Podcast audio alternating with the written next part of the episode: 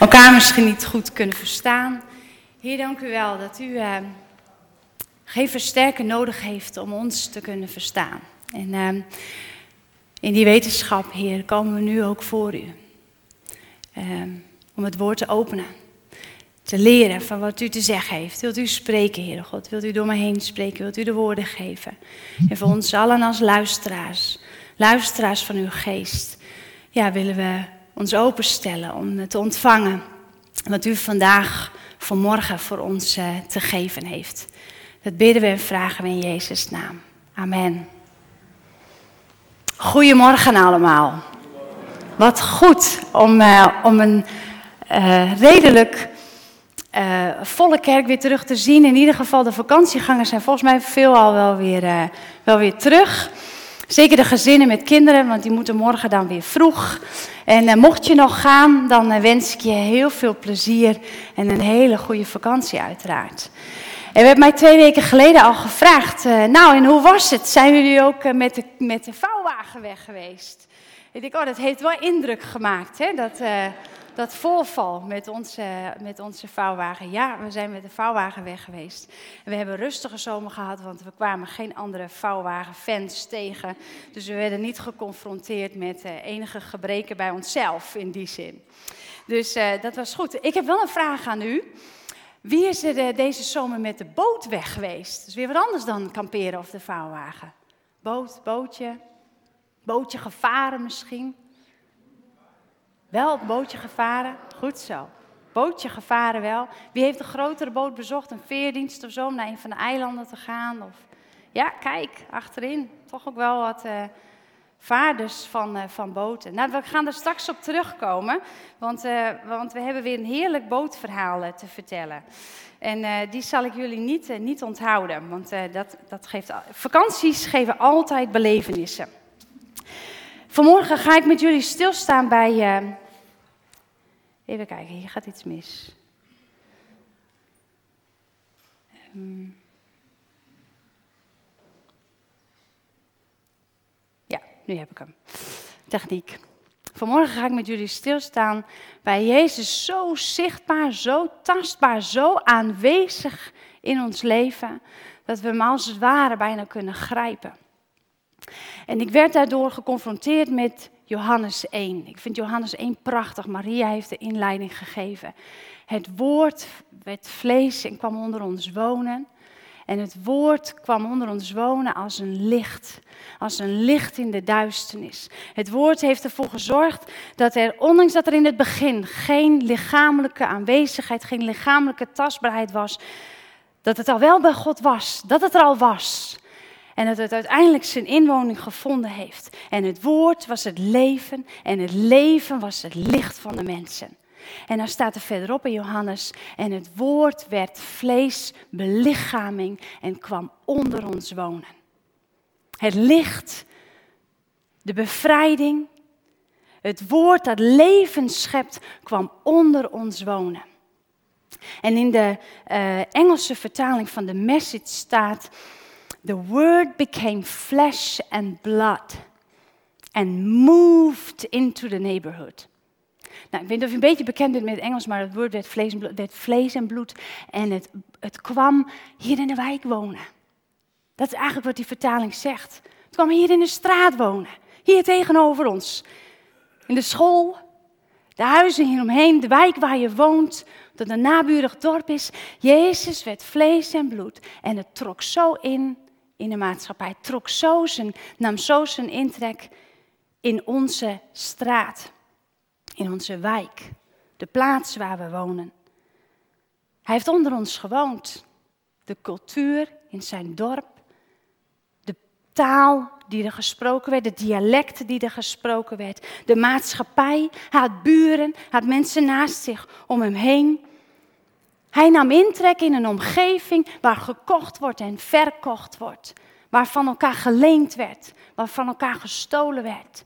Hij nam intrek in een omgeving waar tuinen aangelegd werden, dingen verbouwd werden. Granen en, andere groentes en dergelijke, vruchten. Waar dieren verhandeld werden en bemest, vermest werden, of hoe noem je dat, en heel vet gemest werden. Hij nam als het ware intrek in een, in een cultuur waar, waar net als wij dat kennen, de voordeursleutel met de buren werd uitgewisseld voor het geval dat. Wetende, buurman, buurvrouw zal nooit zomaar in mijn huis komen. Dan moet er iets zijn. Buurtpreventie en WhatsApps, als ze in die tijd hadden, dan hadden ze ze ongetwijfeld opgericht. En Jezus zat in de buurtpreventie groepsapp. Kun je dat voorstellen? Hij kwam onder ons wonen. Hij nam zijn intrek in onze wijk, in onze straat. En had zo jouw buurman of buurvrouw kunnen zijn. Dat is wat hier staat in Johannes 1. Dat is eigenlijk waar het evangelie mee begint. Dit is het woord. En het woord sprak en het woord en het was er. En het woord is licht en het is onder ons komen wonen. Nadat het vlees en bloed werd.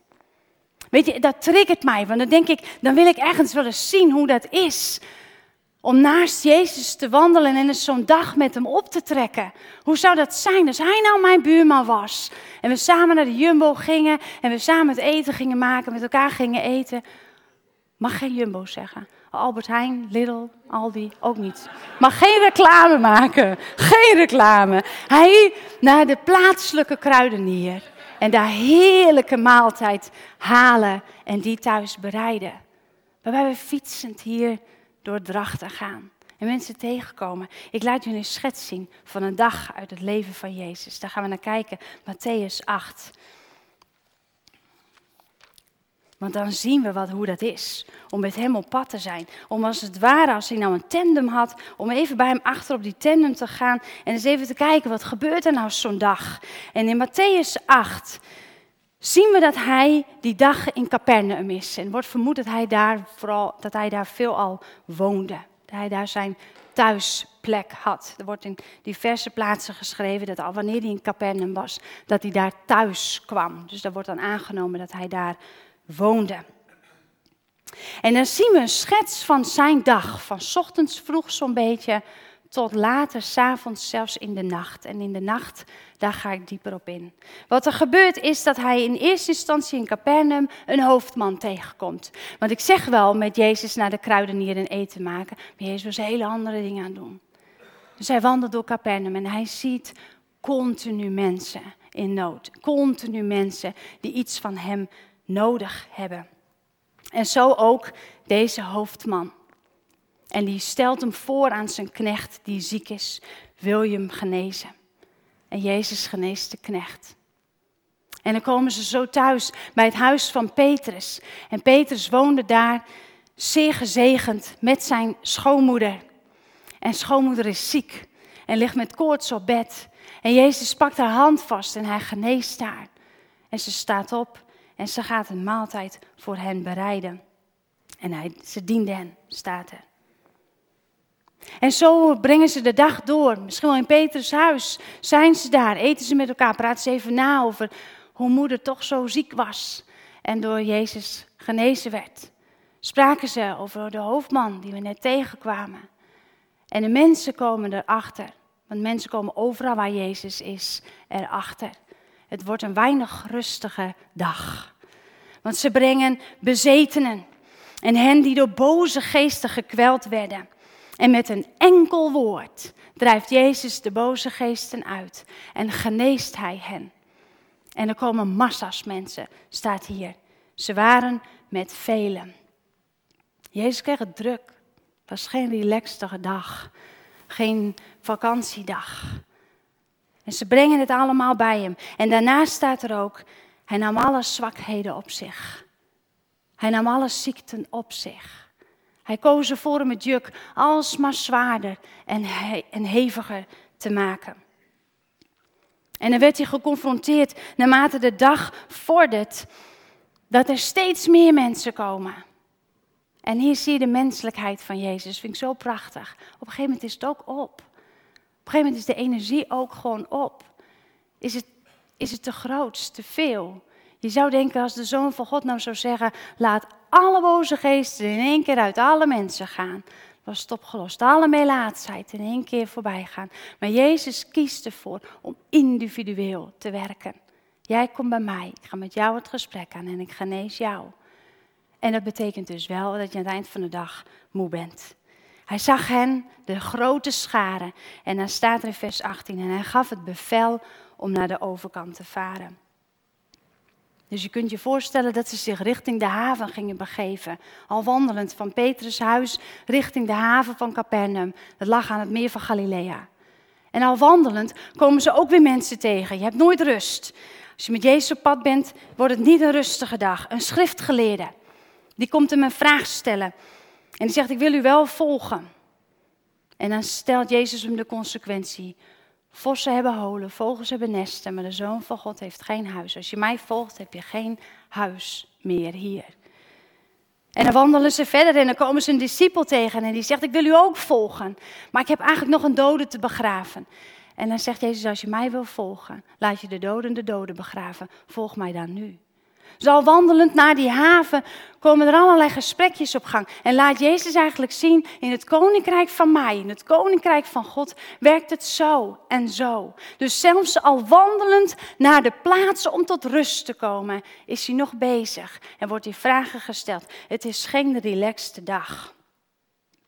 En tegen de nacht, dan hebben ze er al een hele dag op zitten, belanden ze in een bootje. Een schets van een dag hoe Jezus onder ons woonde. Dichtbij, betrokken bij mensen, in de relatie met mensen. Met één grote, grote opdracht. Het koninkrijk zichtbaar maken.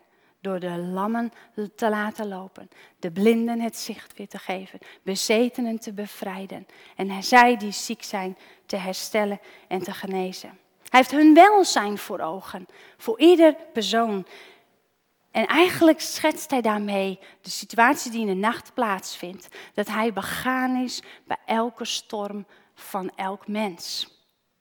En die storm graag wil uitroeien. Dat is ook wat er gebeurt wanneer ze tegen de nacht de boot opgaan.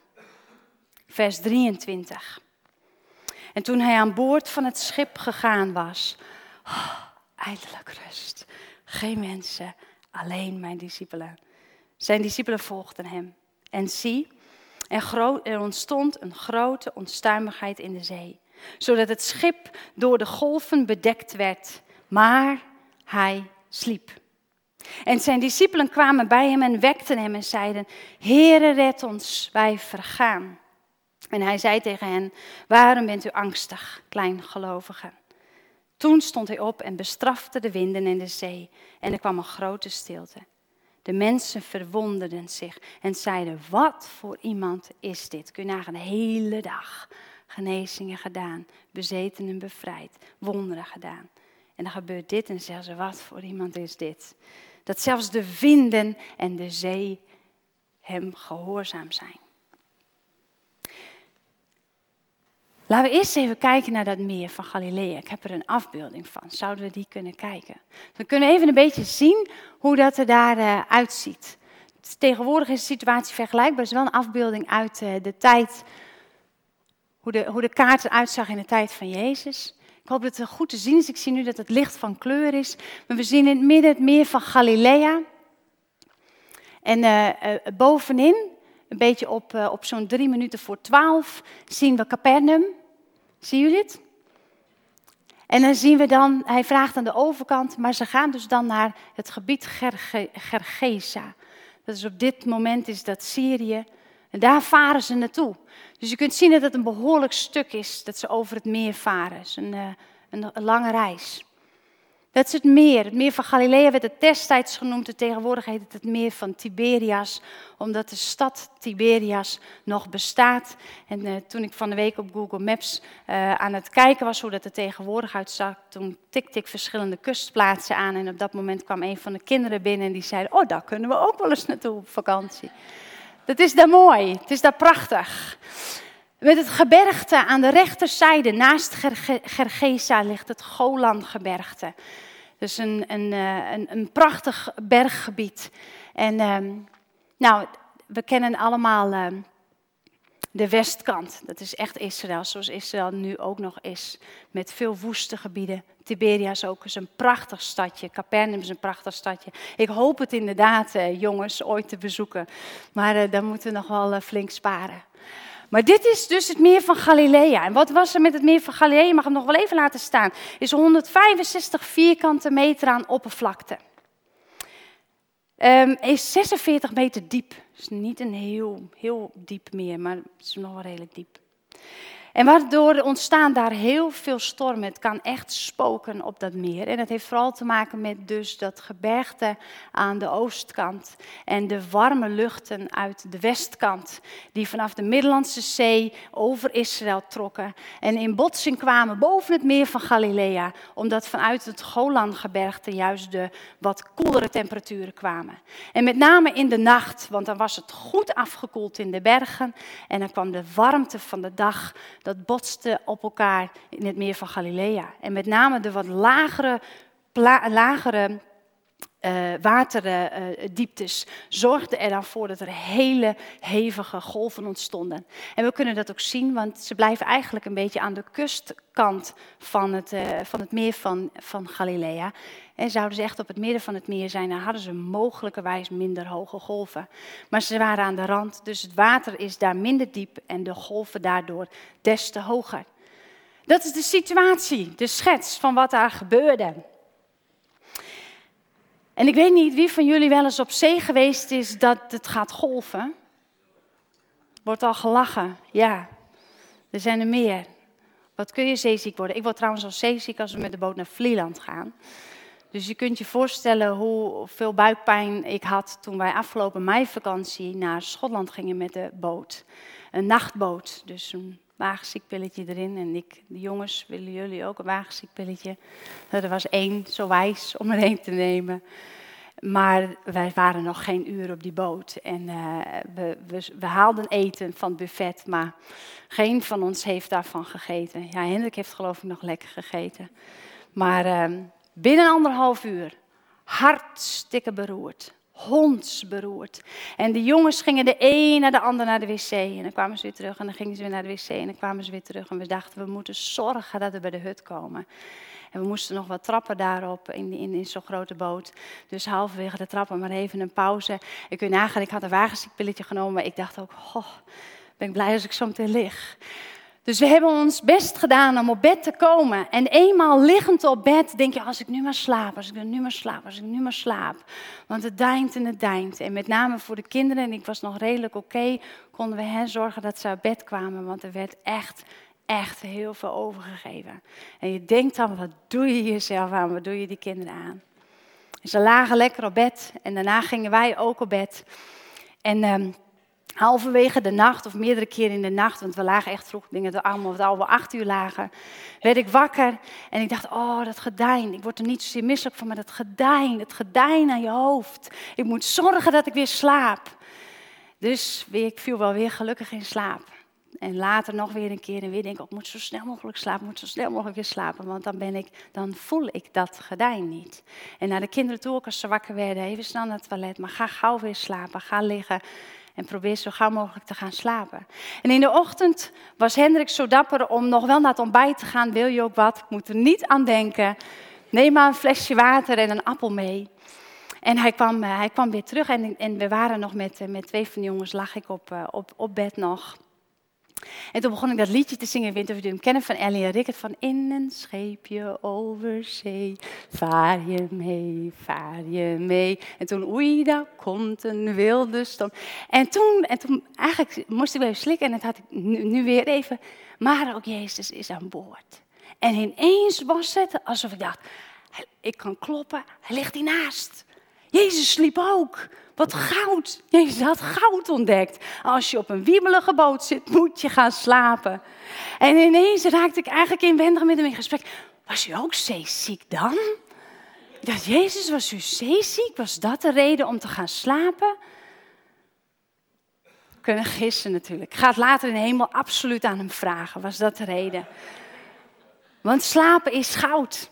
Als het, als het en als de golven hoog zijn en als het wiebelig is en als je niet meer recht op je benen kan staan en als je hoofd er naar van wordt, van al het, al het getuimel, dan is slapen goud. En wie zorgen kent, en wie pijn kent, en wie verdriet kent, die weet dat. Dat slapen goud is. Dat je wakker wordt en denkt, oh, het is er nog. Die lelijke, donkere, duistere wolk. Die knoop in mijn maag. Moet zorgen dat ik weer slaap. Dan voel ik het niet. Dan weet ik het niet. Dan ervaar ik het niet. En Jezus sliep ook. En ik weet ongetwijfeld, door de kennis wat de Bijbel ons geeft, dat hij niet sliep omdat het om hem heen te duister was of om hem heen te wiebelig en te wankel was.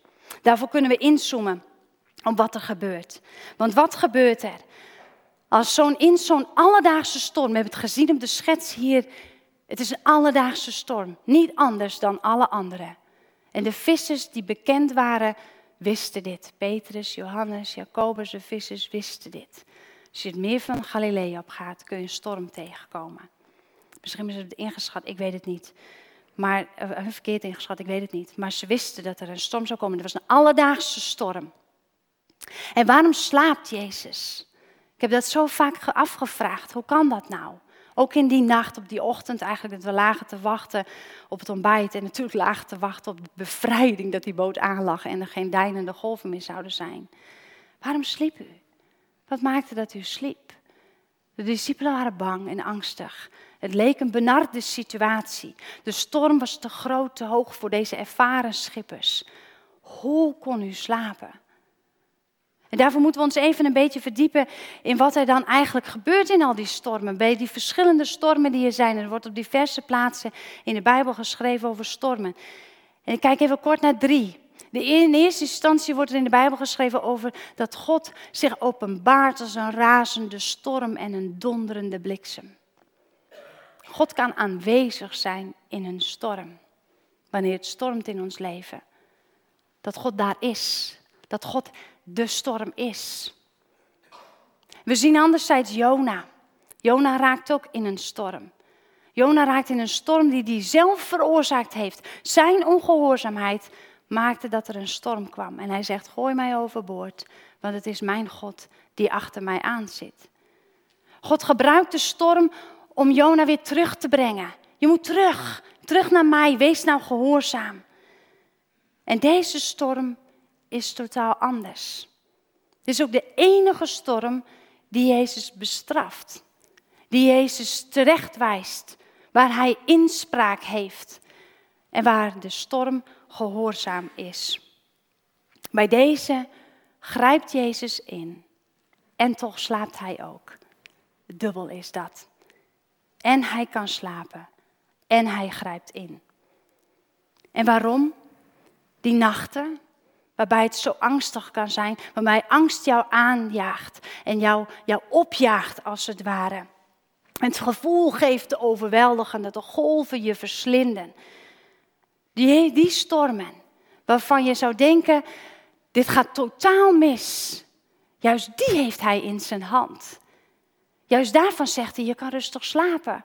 Ik kan ook rustig slapen. Het is één woord en het is weg en het is kwijt. Deze storm die woedt is een storm die zichtbaar in de hemelse gewesten een duistere storm is. Midden in de nacht. En hij jaagt angst aan.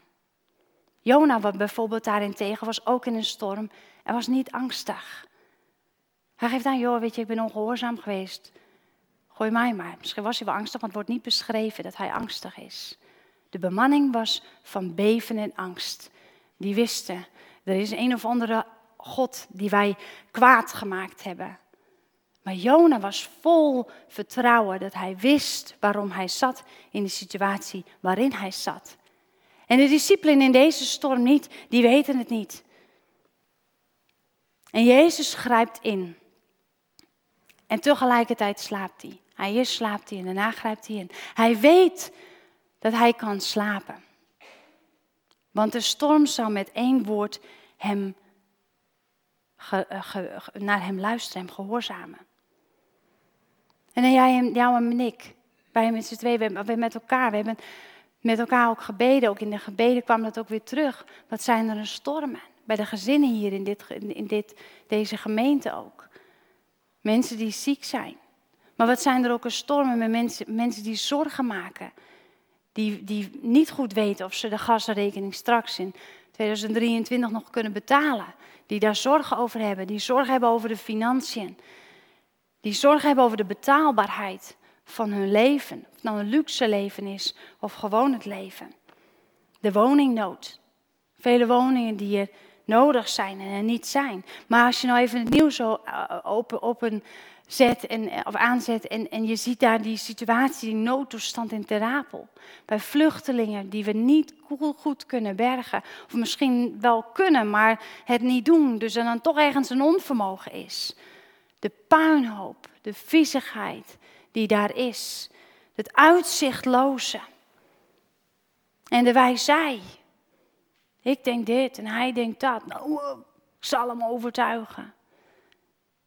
De, de tolerantie waar we ons altijd zo op hebben kunnen laten voorstaan. Het heeft gebotst en nu botst het tegen elkaar aan. En we veroorzaken zelf stormen. En, en, situaties veroorzaken stormen. En dan naar jou persoonlijk. Zelf, privé. De dingen die je doormaakt, de dingen waar je mee worstelt. Verlies dat je te verwerken hebt. Pijn doordat het leven je gewoon geraakt heeft. Dat zijn die stormen in ons leven die ons van tijd tot tijd angst aanjagen en ons overweldigen omdat de golven te hoog zijn. En dan staan we vandaag, als je dit verhaal ook leest en ziet hoe Jezus zo dichtbij naast jou in een bootje wil zitten, naast jou in een storm wil zijn, dat hij laat zien eigenlijk twee keuzes. Ben je net als mij slapen achter in de boot? Of ga je als de discipelen uitroepen, Heer, we vergaan naar mensen toe. Het komt nooit goed. Ik denk dat we grote zorgen moeten maken. We moeten op de bres staan. We moeten ons dit, we moeten zus, we moeten zo, we moeten hozen. Waterhozen. We moeten die wind tegenhouden. We moeten nog meer en nog meer en nog meer. En dan zijn we als de discipelen. Die eigenlijk daarmee uitroepen. Naar onze omgeving, naar onze buren en onze vrienden. We vergaan. We redden dit niet. Deze storm gaat ons overweldigen.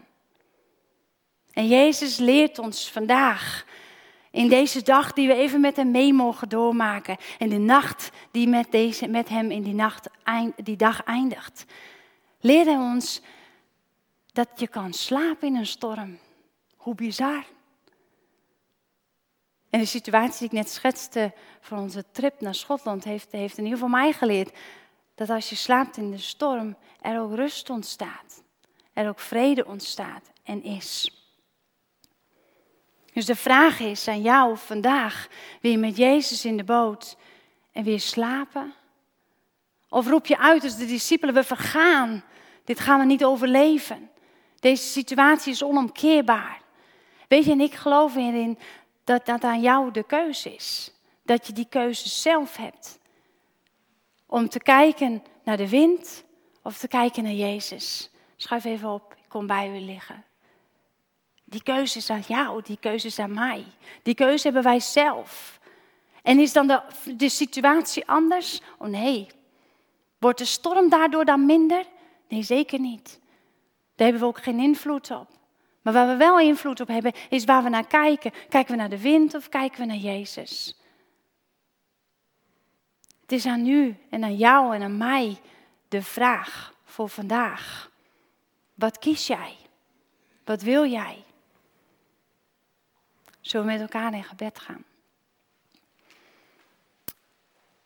Heer in de hemel,